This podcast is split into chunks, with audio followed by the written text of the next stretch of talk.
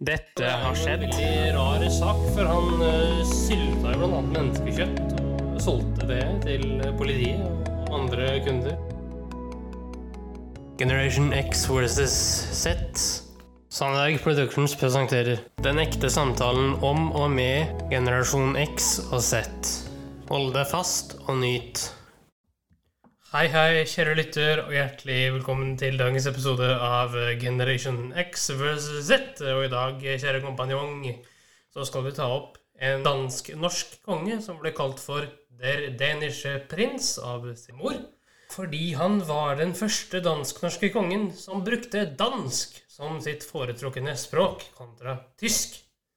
Ja, og vi skal også over eh, fra forrige uke, fra menneskekjøtt. Ja, til menneskehoder, da. Ja. Fra kjøtt til hode, eh, i stor grad her. Og vi skal til et spesifikt hode i et spesifikt område som i dag er bibelbeltet i Norge. Eh, forklar. Kristiansand. Ja, der har vi begge vært, Henrik. Vi ble jo ikke direkte religiøse av den grunn. Nei, eh, og har også vært i Setesdal, begge to. Eh, Ja. Ble ikke noe religiøse av det heller. Nei, men vi skjønte vel ikke så veldig mye. Og du skjønte ganske mye av på setesdølsk, hva man kaller det. Ja, Setesdøling. Nei, altså vi skal jo da over til eh, kontrasten. Ja, altså, Vi skal jo forklare hvem Fredriksen nevnte, og eh, en kriminalsak eh, fra 1762.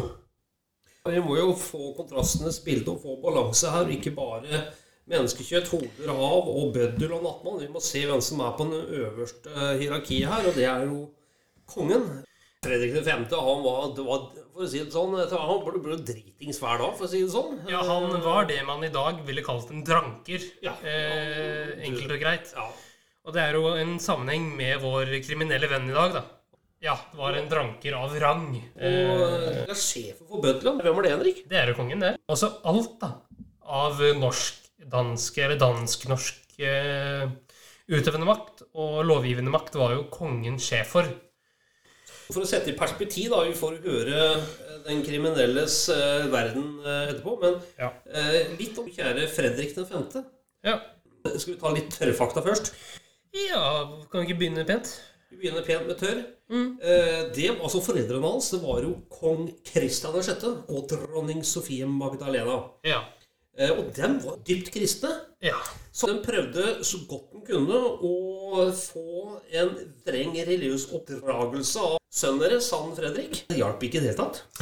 Akkurat, ja. Eh, Ja. Det er sikkert her alkoholen kommer inn da. Eh, Ja, jeg vet ikke når han begynte, han Fredrik, da, men eh, han hadde iallfall et veldig eh, vennlig sinn og var blid og Ja. mild på veldig mange områder. Og han var, Henrik, som det sies, han var en livsnyter av rang. Ja, og det kan jo også knyttes opp mot alkoholismen, da. Eh, I stor grad, kanskje. Eh, Ja, etter hvert så ble han ble jo konge når han selv fylte 23 år, og så ble det fest og moro på Slottet. Kanskje, Henrik, det danske lynnet. Hører du om det? eh, Jeg har hørt ordet før, ja. Altså Det jeg minner om dansk lynne, det er vel mer at de er veldig glade, eh, tar seg en ja. og har det litt sånn artig seg imellom. ja. Jeg vet ikke om det har da sin opphav av han kong eh, Fredrik her, selv om bestefaren hans også var en livsnyter. Men det han gjorde Mm. da han regjerte Det er ikke bare at han, han, han festa og drakk og var på bordeller, og han var jo klin gæren sånt noe. Han fikk også elleve barn. Eh, Ja vel. Og han eh, revolusjonerte hoffet ved å også innkalle vanlige borgere. Ja. Og det var jo helt uvanlig på den tiden. ja, for da var det jo skillet mellom vanlig mann og adel ganske så stor. Å så, ja, er du gæren? Er du gæren? En annen ting er at han, i tillegg til det, Henrik, Mhm. så stod også industrien opp. ja. eh, Og handelen opp i, i, i Danmark. Ja, så så vidt også i hele Europa. Men han opprettet i tillegg også et hospital og kunstakademi og teater Og. Det var en oppadgående trend som skjedde da Ja. eh, da han regjerte. som var veldig populær konge. Selv om han var dritings. da. Ja, og det sett. kan jo jeg si litt om. Det var jo fordi han var den første kongen i eh, det dansk-norske kongehuset til å bruke dansk som sitt prestisjespråk. Det man skulle snakke, det var jo tysk. tysk. ja. Men Henrik, over til eh, en annen som var mye dritings. Ja. Han eh, ble jo litt kortere etter hvert. Mm. Hvem var det? Nei, det var en fyr som også het Christian, eh, i likhet med vår konges far og sønn. Det har jo da en fyr oppe i eh, Kristiansand her, da. Ja. Som etter hvert ble hugd huet av med sverd. Hører på historien Henrik. Ja. Den 14. august 1763, utenfor eh, kirken i Kristiansand, føres en eh, nesten 60 år gammel mann fram for skarpretteren, som heter eh, Johan Witt. Tysk. Skarpretter, han skal hugge hodet av denne stakkars eh, 60-åringen med sverd. Hvorfor?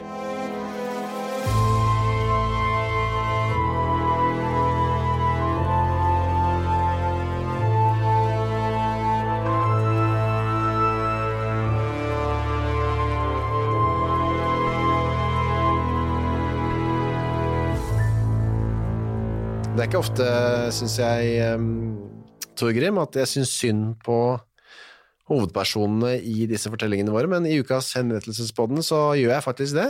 Ja, takk det samme. Det jo. Han, dette var en henrettelse som han godt kunne latt være for min del. Christian Helleberg, er kristen. kristen, eh, født i 1704, um, bor i, og jobber i Kristiansand, da. Kristiansand på 1700-tallet var, tipper jeg da, en bitte liten by. Ja, Sverregreiene var ikke, men det var en by. Det var en by, ja. Ja da, de, de hadde byrettigheter og kjøpstadsrettigheter og alt som hørte til. Eh, Der bodde denne eh, kristen eh, Det er, forresten, det er jo Kristian. Det er Kristian, ja. Jeg ser det står begge deler her. Ja, eh, jeg ser det også, men det er Kristian eh, Ja. sannsynligvis. Da sier vi Kristian Helleberg. Han ja. hadde eh, da, som vi var inne på, levd hele livet stort sett i fred og fordragelighet, da.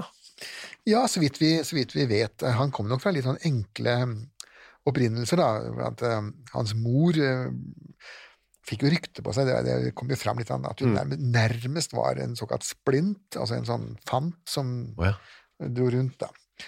Eh, Så hans, hans opprinnelse var nok enkel, men han kjempet seg nå fram. ja. Og han startet en sånn krambod. Ja, ja, ja, noe skal man leve av. Hva er en krambod, egentlig? Det er Den som driver med krambøy, det kalles ofte for høkere også. Eh, De solgte altså i detalj, altså man ikke en grå. Eh, Du kunne få kjøpt en, eh, ja, en hammer her og en skrutrekker der. og Jernvare, liksom. Ja, altså, småting, alt mulig slags. En gammeldags landhandler.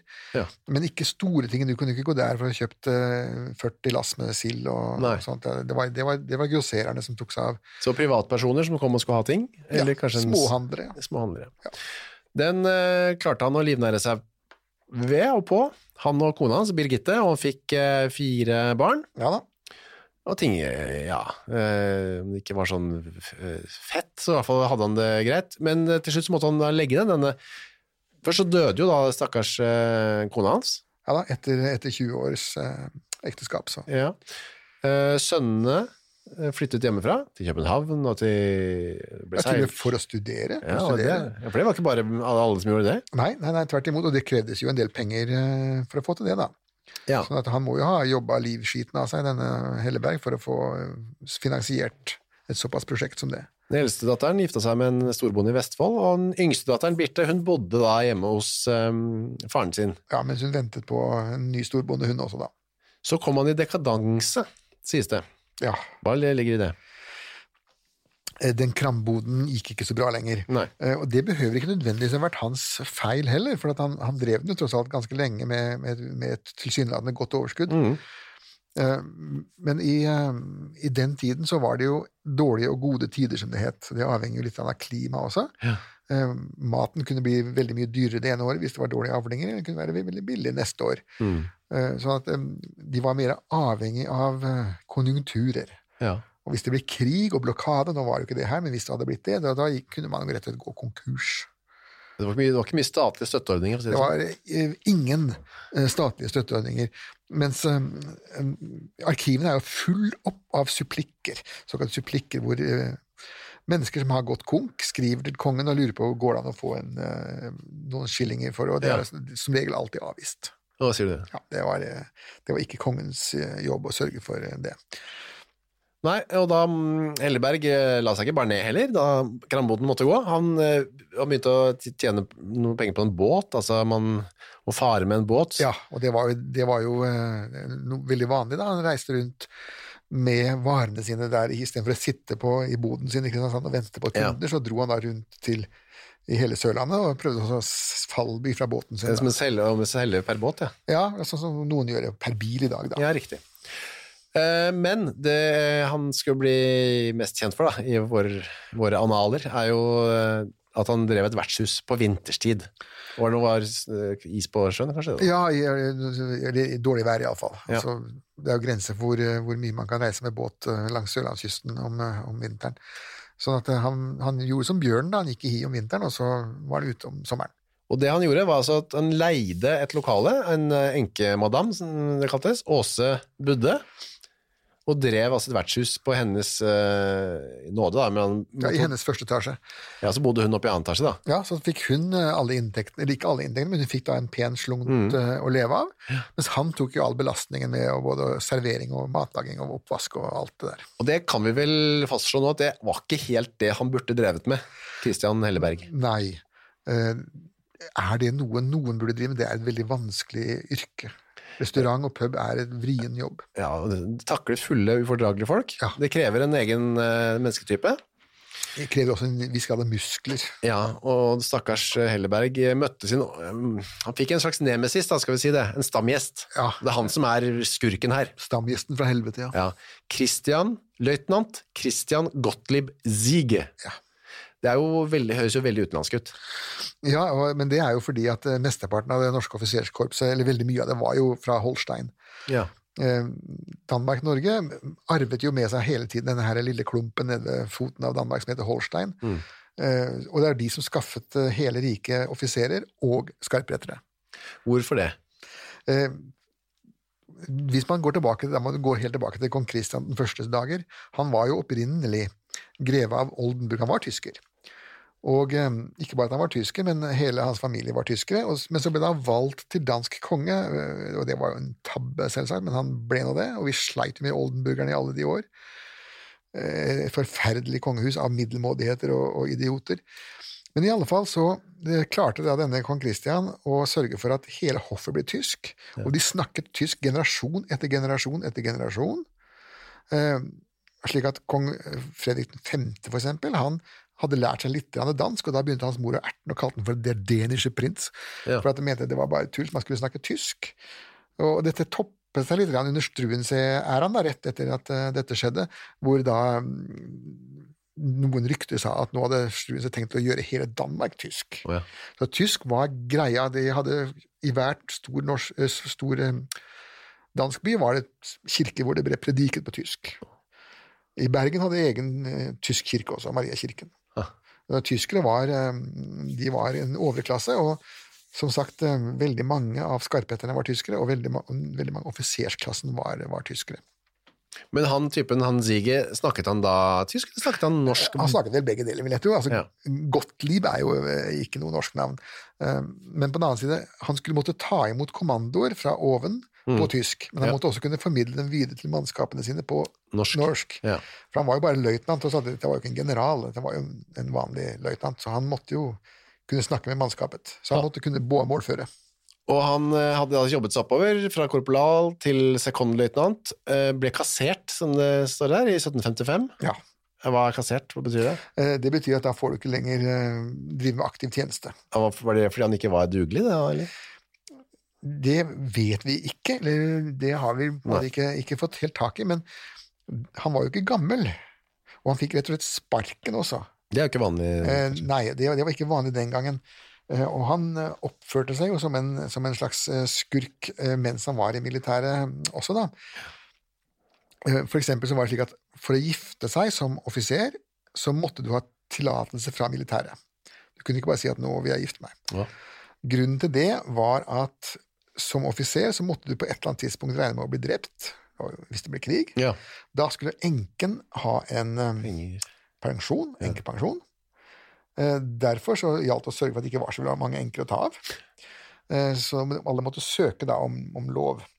Og hvis man ville gifte seg, så måtte man da betale inn til denne oh, ja, enkekassen riktig. en sum, slik at det var en slags forsikring om at når jeg da faller ved fronten, så har jeg allerede gjort opp for meg, Ja. at min hustru har jo noe å leve av. da. Det var et økonomisk mirakel. Men her tok da siget og giftet seg likevel, Uten å få godkjenning. uten å få godkjenning. Altså, dette, var en type, dette var en type som ikke brydde seg så veldig mye om hva de overordnede sa.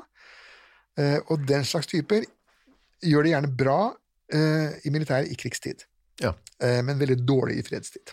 Og her var det fredstid. Her var det fredstid, og det han brukte mye av tiden sin på, var å gå til denne puben, eller vertshuset til Christian Helleberg, og drikke og spise og krangle med Helleberg. De hadde et veldig dårlig forhold. Ja, og han, han brukte også mye av tid til å spille, altså Ja. pengespill. Og det sies også at uh, han eh, utfordret han med hånlige talemåter. Altså Helleberg han plukket og gjorde narr av og mobbet da denne stakkars eh, gamle huspubberten. Ja. En gang så banka han til og med Helleberg opp. Ja, han, og det, det kunne han gjøre fordi at han Siger var jo en slags form for psykopat, tydeligvis. Um, men han følte tydeligvis at han var mer enn eh, alle andre da. Og sikkert en sterk ung mann også. Helleberg begynte jo etter hvert å trekke på årene. Ja, ja. Eh, Men så var det hele tiden den her som ligger under også, at Siger kjente til Hellebergs enkle bakgrunn, ja. og mobbet han også med foreldrene da. Så han visste godt hvem Helleberg var, på en måte. Ja da, ja da det, det, det, gjorde, det gjorde han nok, og brukte det for alt det som, som det var verdt. Og når Helleberg da ga seg, og på en måte unnskyld, og ga etter og Ja. ikke tok igjen, så ble jo bare denne mobbetrangen sterkere. Det blir jo alltid det. Man tenker seg at Siger syntes det var gøy å gå der, ikke bare drikke og spille og spise, men også å få utløp for sånne, noen lyster av å, å plage denne stakkars eh, Ja, det var, Han hadde fått seg et yndlingsoffer, ja, en mobbeoffer. Til og med hadde han spilt en gang eh, terning, for det var ikke lov, eh, på, på kvelden etter klokka ti. Mm. Og da hadde Helleberg fått ti, ti riksdaler i bot. Ja, for det var pubeieren som skulle ha sørget for at han ikke gjorde det. Så det var mye grums og grams eh, og dårlig blod der. Veldig. Man kan tenke seg at Christian Helleberg etter hvert begynte å få veldig nok av eh, Ja. Og det skal vi jo nå eh, få bevis for, da. 31. oktober, Siger var jo også en, en fyllik. fyllik, ja. Ja, fordi at eh, når han endelig da til slutt eh, døde, da, så viser det at han eh, han skyldte jo brennevinshandelen I byen, ja. ja, Mange penger. mange, mange penger for, for brennevin og rødvin og akevitt. Og dette her som heter Canarisekt, da, som er sånn tørr, motbydelig hvitvin, Sånn. Oh, ja. som Jeppe på Bjerg også drakk. Riktig. Kanari-sekt, Ja. som ikke selges lenger. Nei, jeg håper ikke det. Nei. 31. oktober 1762, altså det er eh, høst, og det er, kan tenke seg, kaldt og sånn huster ute. Mm. Helleberg begynner kvelden bra. Hadde noen honette folk på Ja. besøk. Han var opptatt av det, han, ville gjerne ha fine folk. Ja. Honette betyr ærbare, Ja, liksom. fjonge. Fine folk. Fine folk. Flotte folk, ja. Ja. Uh, og disse honette hadde av godhet skjenket ham, eh, sa Helleberg etterpå, da. Ja. Altså gitt ham eh, drikke. Ja, altså det er sånn som man ikke gjør i dagens pub. Du går ikke bort og sier at eh, en øl til meg, og så en, kan du ta en selv også. Nei. Eh, Men den gangen så kunne man da det. Og det syntes han var eh, hyggelig, og tok imot, da. Ja, ja, ja. ja ja, man tar jo, tar jo imot det man får. Så man kan tenke seg at etter disse honette folkenes godhet, så var Helleberg litt på en snurr. Han var nok det. Og så går de, disse fine folka går dessverre, forlater, og inn døra kommer jo da denne hersens Sige, ja, med, med sin gjeng, ja. med sitt hoff. Først kommer han med en som heter Nils Bjerk uh, inn, og de bestiller dette er rundt ti på kvelden, og setter seg der og betaler, bestiller en, et pel med vin. Mm. Hver, hver, er, eller en. En, en pel, altså det blir omtrent det som tilsvarer en flaske ja. i våre dager, da. Ja, peler og potter var det de hadde den gangen. Som... er det en, er pel, er det en krukke eller noe sånt, eller? Nei, altså pel er et mål. Ja. Rett og slett 0,75 eh, liter. Så da, men, eh, han, men hva slags vin var det, vet du? Kan man tenke seg? Hva slags vin? Nei, ja, det kan ha vært rødvin eller hvitvin. Begge deler var, eh, var der, og litt avhengig av hvor mye du ville betale, da. Norge har jo aldri hatt noen sånn egenproduksjon av, av vin, så dette er jo noe som man har kjøpt eller importert fra Frankrike eller Tyskland, kanskje? Ja, Italia, kanskje.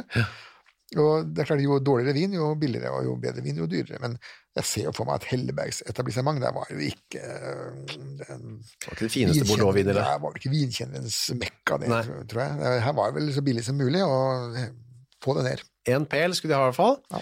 Snart etter kom en som heter Sørenhoff, Søren Hoff, Mm. som også er en kompanjong av Sige, da. Ja da, eh, hans hoff, det. en stolmaker. Eh, De setter seg ned, og de begynner å spille kort om vinen, skriver du i boka di. Ja, altså De skulle spille kort om hvem som skulle betale den, da. Oh, ja, sånn, ja.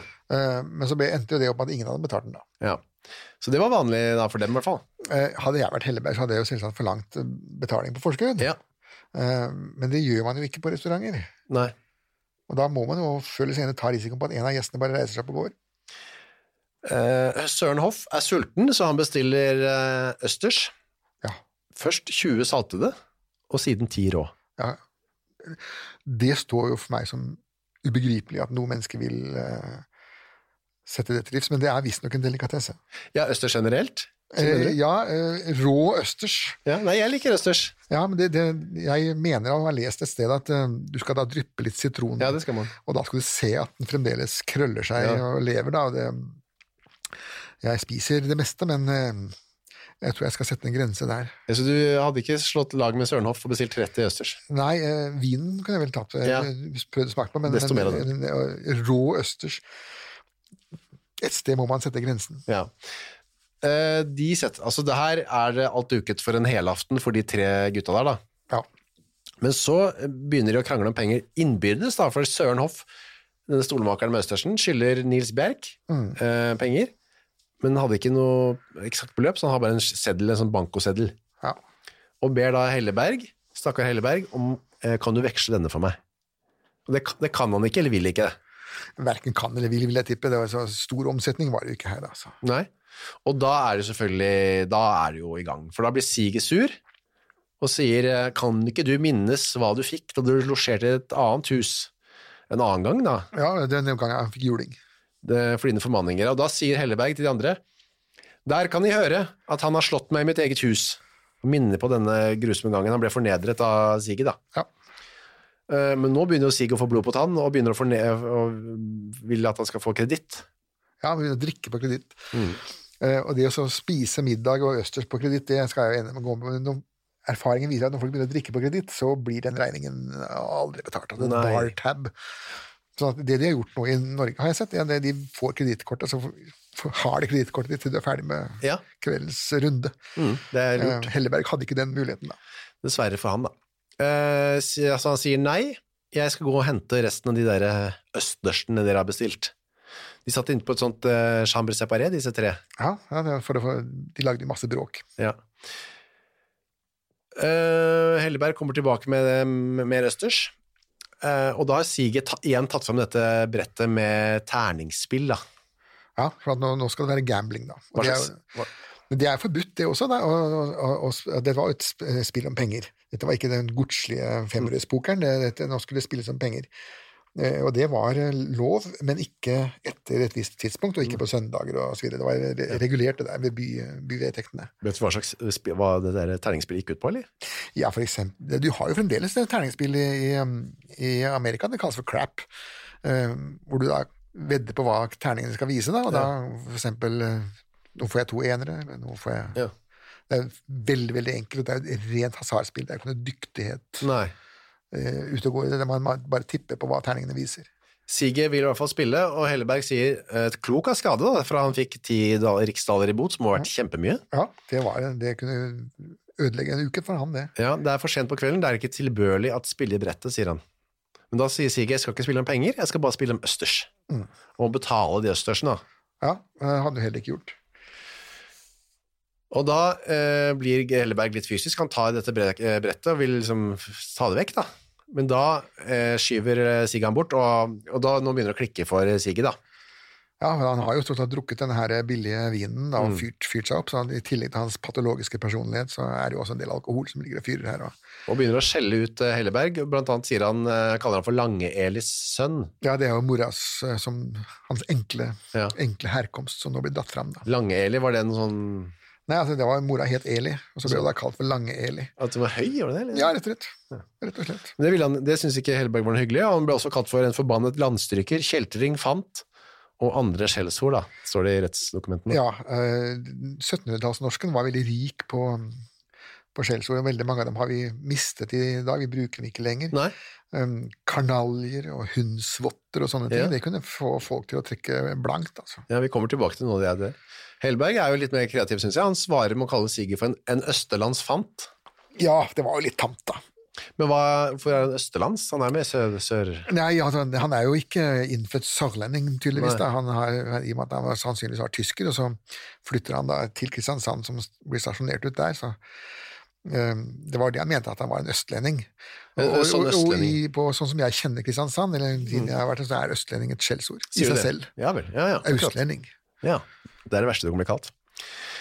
Det, da blir eh, Sig enda si- sintere og sier nei, du er en fant som farer inn i hver krok med din båt.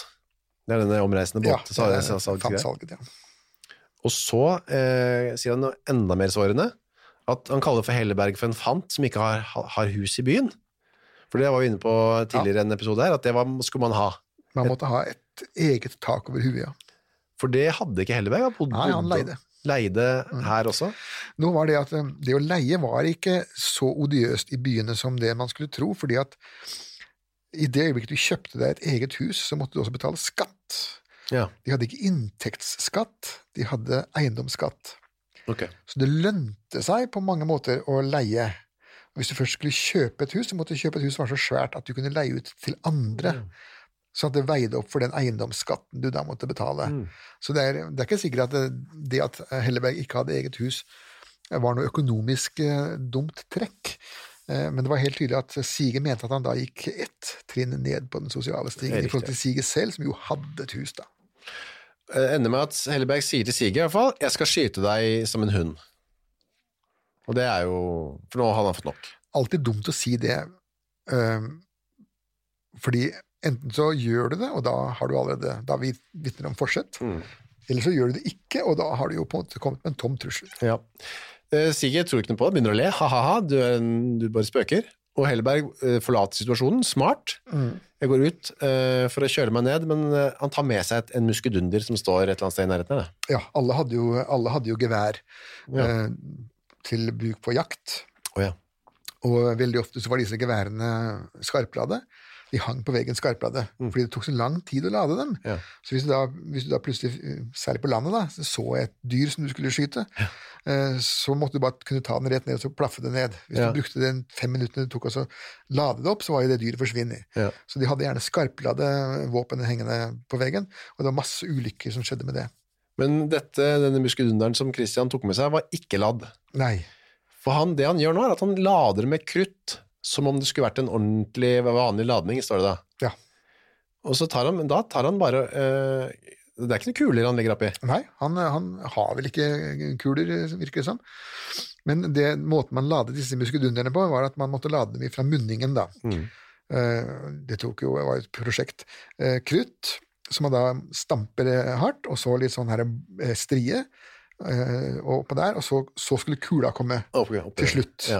Eh, Og så skulle man da antenne denne via en sånn lås, Mm. eh, antenne den strien, og så skulle da den veka brenne ned, kruttet skulle eksplodere, og kula skulle fyke ut. Ja. Det var en kjempekomplisert affære. Og tungvint, ja. Veldig tungvint. Og det var jo faktisk sånn at geværene som ble tatt i bruk i armeen da, eh, de var jo underlegne inntil man klarte å finne eh, på en måte hvor de kunne brukes som sverd, nemlig å sette på en bajonett. ja. Det var jo bajonetten som eh, gjorde at Karl 12. kunne lage sånn vei i vellinga i Russland i sin tid, at hans gevær hadde bajonetter. De kunne skyte ned skuddet sitt, og mens da russerne brukte fem minutter på å lade opp neste, så gikk de på det med bajonetten ja, og ja. stakk dem. Men det han gjør, er at han lader, og så stapper han eh, nedi. Altså her, I utgangspunktet virker det som han har tenkt å eh, skyte et skremmeskudd, da. Ja, et løsskudd. Ja. Rødfis. Men det som er tabben hans, at han, den stokken som han driver og lader med, som ikke engang er den vanlige ladestokken, eh, han lar den være igjen. Ja. Så det, ut av det kruttet og ut av munningen så står det nå en liten, en liten stokk. Trestokk. En tre, trestokk, ja. Så går han inn, han er ikke sånn veldig nedkjølt, så han, men han låser eh, denne, dette geværet inn.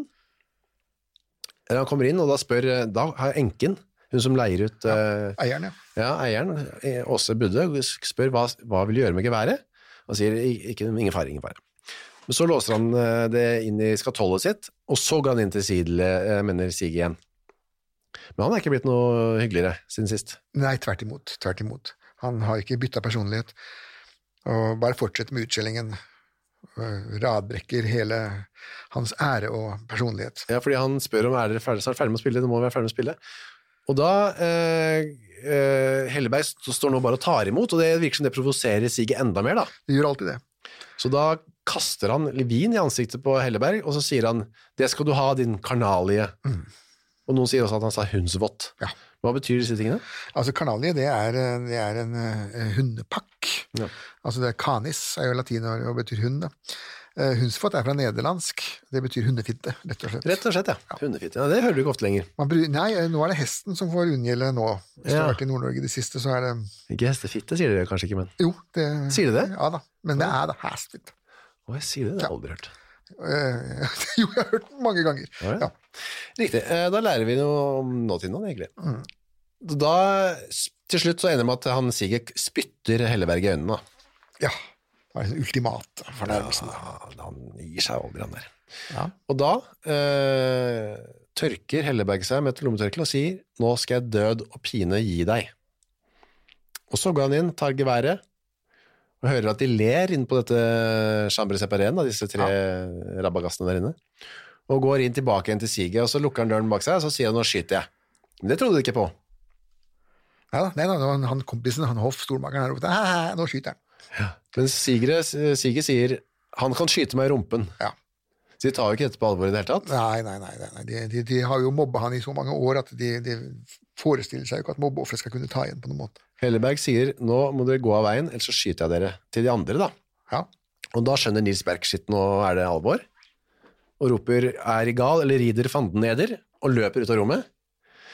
Og det siste han hører da, er et klikk da Helleberg spenner hanen på våpenet, og at Siger fortsetter å le. Ja. Ondsinnet. Ondsinnet. Og så smeller det. Ja. Så smeller det.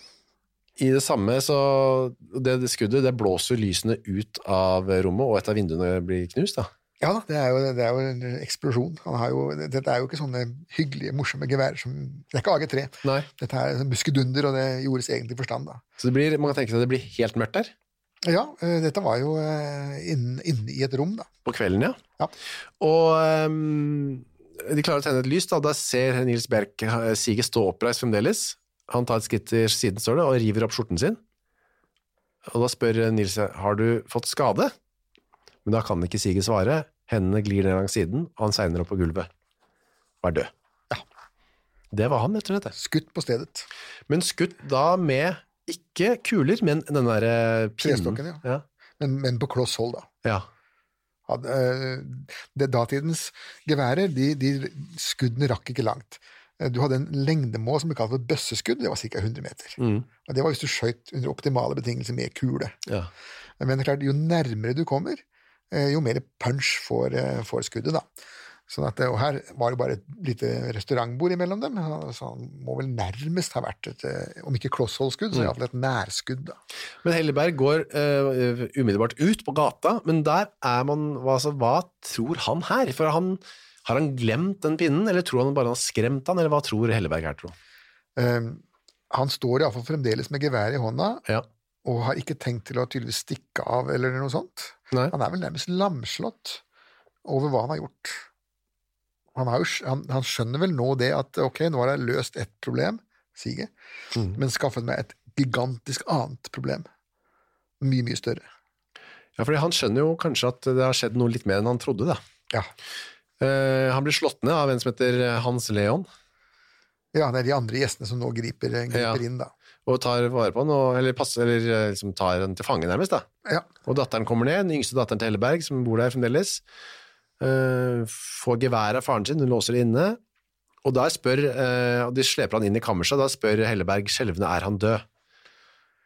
Uh, og da sier han, jo da, visst er han død, de har, de har gjort et godt arbeid, sies det da. Ironisk da, på en måte. Vi håper det. Ja. Og da svarer Helleberg til det da, la ham ligge, det er best, nå skal han ikke trekke folk mer opp. Og han fortsetter også. Ja, Le lange asen, han kunne ikke dø saligere, siden han gikk til Guds spor i går. Ja. Og nå har jeg gjort byen en tjeneste, og skilt den ved en spitsbub som ikke skal opptrekke unge folk mer. Uh, altså, spitsbub det er det samme ordet som vi Ja, brukte en gang før, og det, det er altså en skurk. banditt. Ja. Så det er jo her liksom, snakker han seg sånn Det er vel det her nærmest han For det nå virker det som han har gjort dette med vilje, på en eller annen måte. Ja, han snakker seg nå inn i eh, en situasjon med forsett. Ja. Eh, Dette kunne vært våde, altså et Mm. uhell. Eh, Det kunne til og med også vært eh, overlagt. Og det er det han driver og snakker seg inn i nå, at Ja. han har planlagt det hele på, i fortiden. da. Og det kan jo være at han er, han er litt gira her. Adrenalin og alkohol, ikke minst. da. Ja, og mange år med forutsettelser. Ja. Og han prøver å snike seg litt ut, men det klarer han ikke. De tar han tilbake, disse andre gjestene, og byfogden etter hvert kommer og henter han. Da, da har han sittet og øh, fortifisert seg. Ja, han sitter og drikker mens han venter. Det, det var nok også fornuftig, eh, fordi han innser vel kanskje at dette kan bli hans siste drink. Mm. De finner den øh, trestokken i ti biter. Tiende og tykkeste inni skjorta til løytnanten, så er det den som har tatt øh, livet av ham. Ja. Og så blir han Helleberg kjørt av gårde, eller eh, satt i arresten. Siger blir båret til obduksjon. Ja. Eh, Statskirurgen Gottlieb Beyer. Det er mye tysk, altså. Ja ja som sagt, det var, det var de som eh, Den norske befolkningen hadde ikke noe særlig sans for videre utdannelse. De ville verken bli doktere eller offiserer eller skarprettere. De ville bare gå på bondegårdene sine og drikke og slåss. Men kona til, eh, altså enken da, etter Sige, hun ville ikke at Sige Siger skulle bli- obdusert. Nei, og det er jo vanlig, det er jo mange som ikke vil i dag heller, det. Fordi det er, hvorfor ikke? Nei, kan du begripe det? Eh, den som er død, er jo død, og, kroppen er jo da bare en tom dress. Ja. Eh, sjelen er jo et helt annet sted. Men det er en sånn tro på dette at, som er veldig, veldig gammel, tror jeg, at eh, man skal eh, gjenoppstå med en kropp på dommens dag, og da må den kroppen være den opprinnelige som du hadde da du ble begravd. Og da skal man ikke herpe den. Nei. Det var derfor dette med å bli brent på bålet var slik en heslig Ja, for da forsvant jo hele den kroppen da.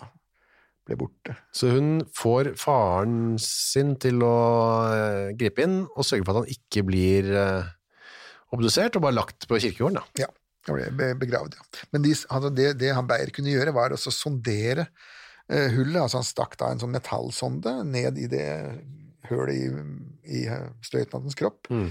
i håp at han skulle klare å finne mer av denne stokken inni der. Ja. Det, det hadde han sikkert gjort også, men da måtte han jo ha åpnet opp Mm. brystkassa da. Det fikk han jo ikke lov til. Det ble en rettssak, og der eh, sier jo da Helleberg at han ikke hadde tenkt å drepe han, at det var en eh, stokk som han ikke visste sto der, glemte seg, Ja. og at han siktet over hodet, men så reiste denne Sigge seg da, og derfor ble han truffet i brystet. ja, og det kan jo godt tenkes at det er sant. Ja, det kan godt tenkes. Uh, Vitnene, det var disse gutt svirebrødrene hans da. De Ja, det, var, noe... det var jo partiske vitner, da. Ja. Men så var det ikke noe sånn eh, Denne uh, dommeren, han sa bare Nei, han er drept, du har drept han, du skal drepes. Ja, så det var jo, det var jo en enkel, enkel dom, det, da.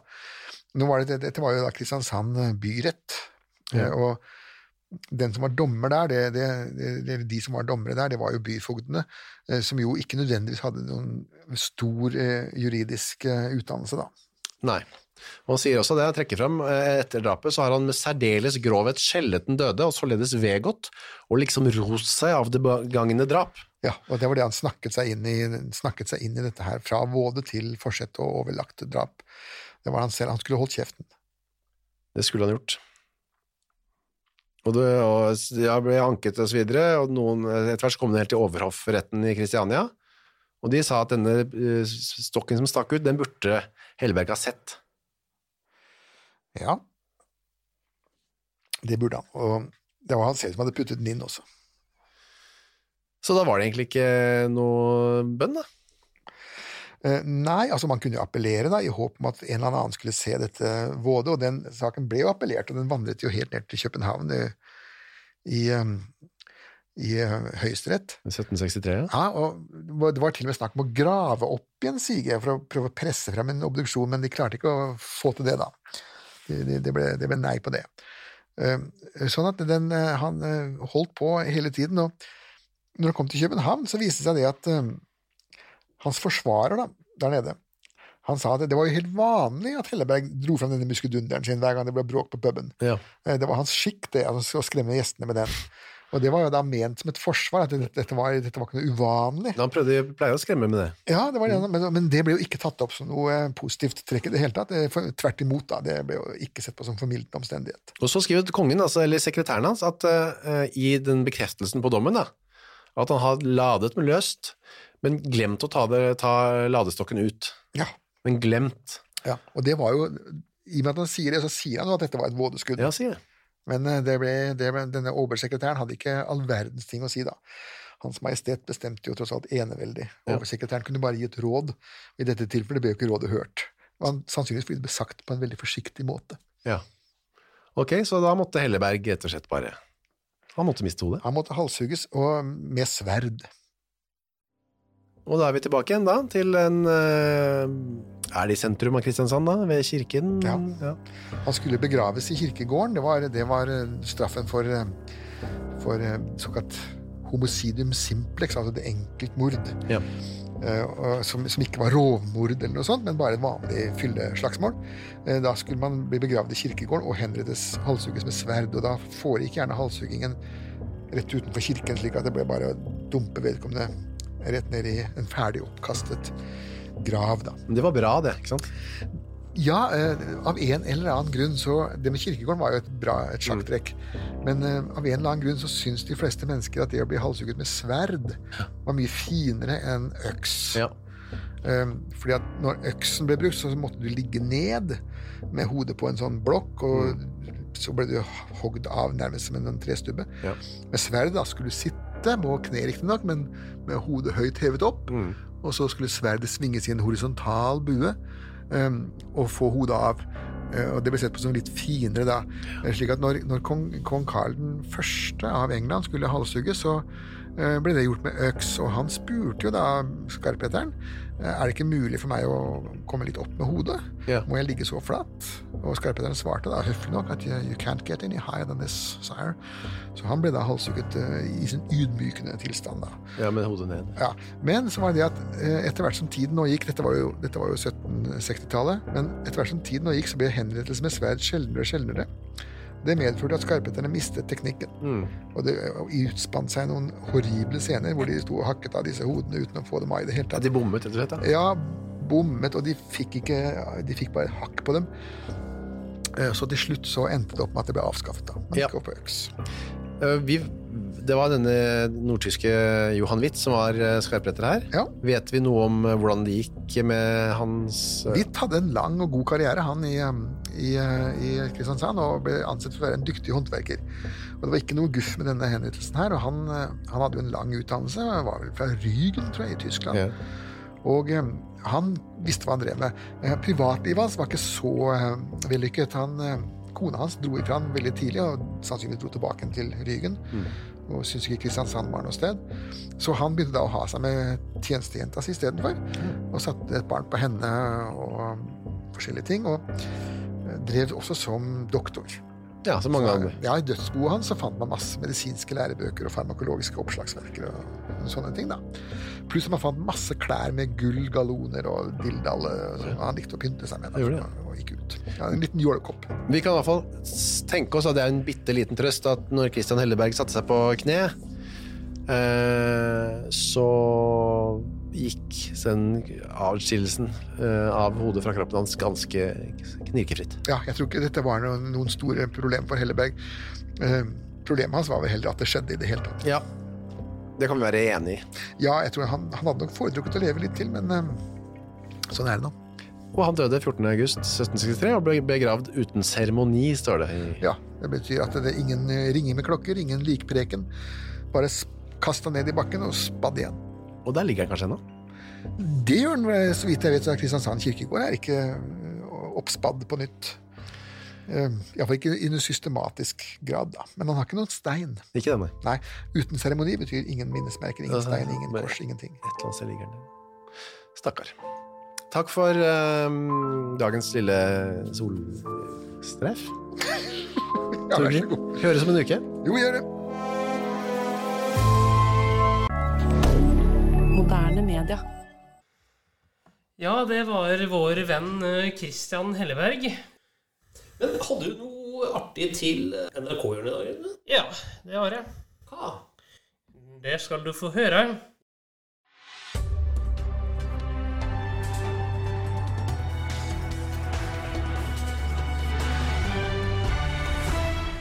NRK-hjørnet.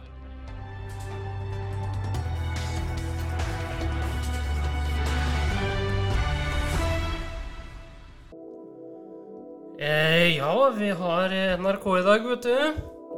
Hva har hun å servere i dag? Jeg skal bare si navnet på klippet. Og det er Gammel analog kjerring.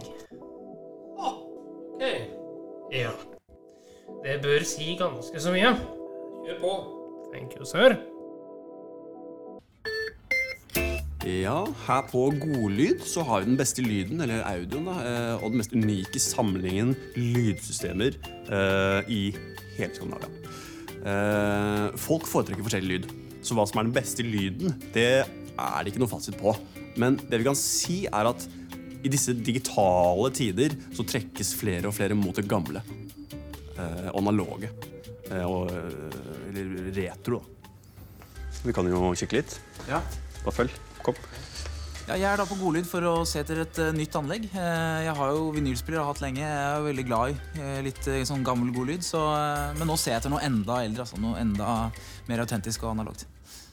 Ja, vi har jo vinylspiller, da. En Era-modell. Platespiller har jeg jo hatt lenge, altså, så jeg liker jo veldig godt det analoge. Det er håndfaste, ta ut en plate, legge på nålen, høre knitring. Altså hele det der ritualet der, da. Jeg ser egentlig for meg noe, noe mer, enda mer analogt, altså noe, noe eldre. Vi har eh, en grammofon. Ja, Og her må den jo stå og sveive, da. ikke sant? Ja, nei, jeg, jeg er ikke helt sikker, altså. Nei. Nei. Men da har vi jo voksrull og fonograf, da. Ja, ja, nei, jeg har en kompis som har fonograf. Altså, så jeg, jeg er egentlig ute etter noe enda mer eh, autentisk og analogt. Noe ordentlig gammelt. altså. Men da har vi jo hun gamle kjerringa her, da. Eh, som kan ta en trall i ny og ne. Jøss. Dette er uh, analoge greier, da. Ikke sant? Hvordan er det det fungerer, det her, da? Ja, nei, uh, hvis du bare kan holde koppen. Ja. Takk. Det er egentlig bare å sette inn eh, et par eh, gafler med napoleonskake. Uh, eventuelt noe, noe kaffe også. Og så er det bare å vente. Å, jeg strever så med mine små, du.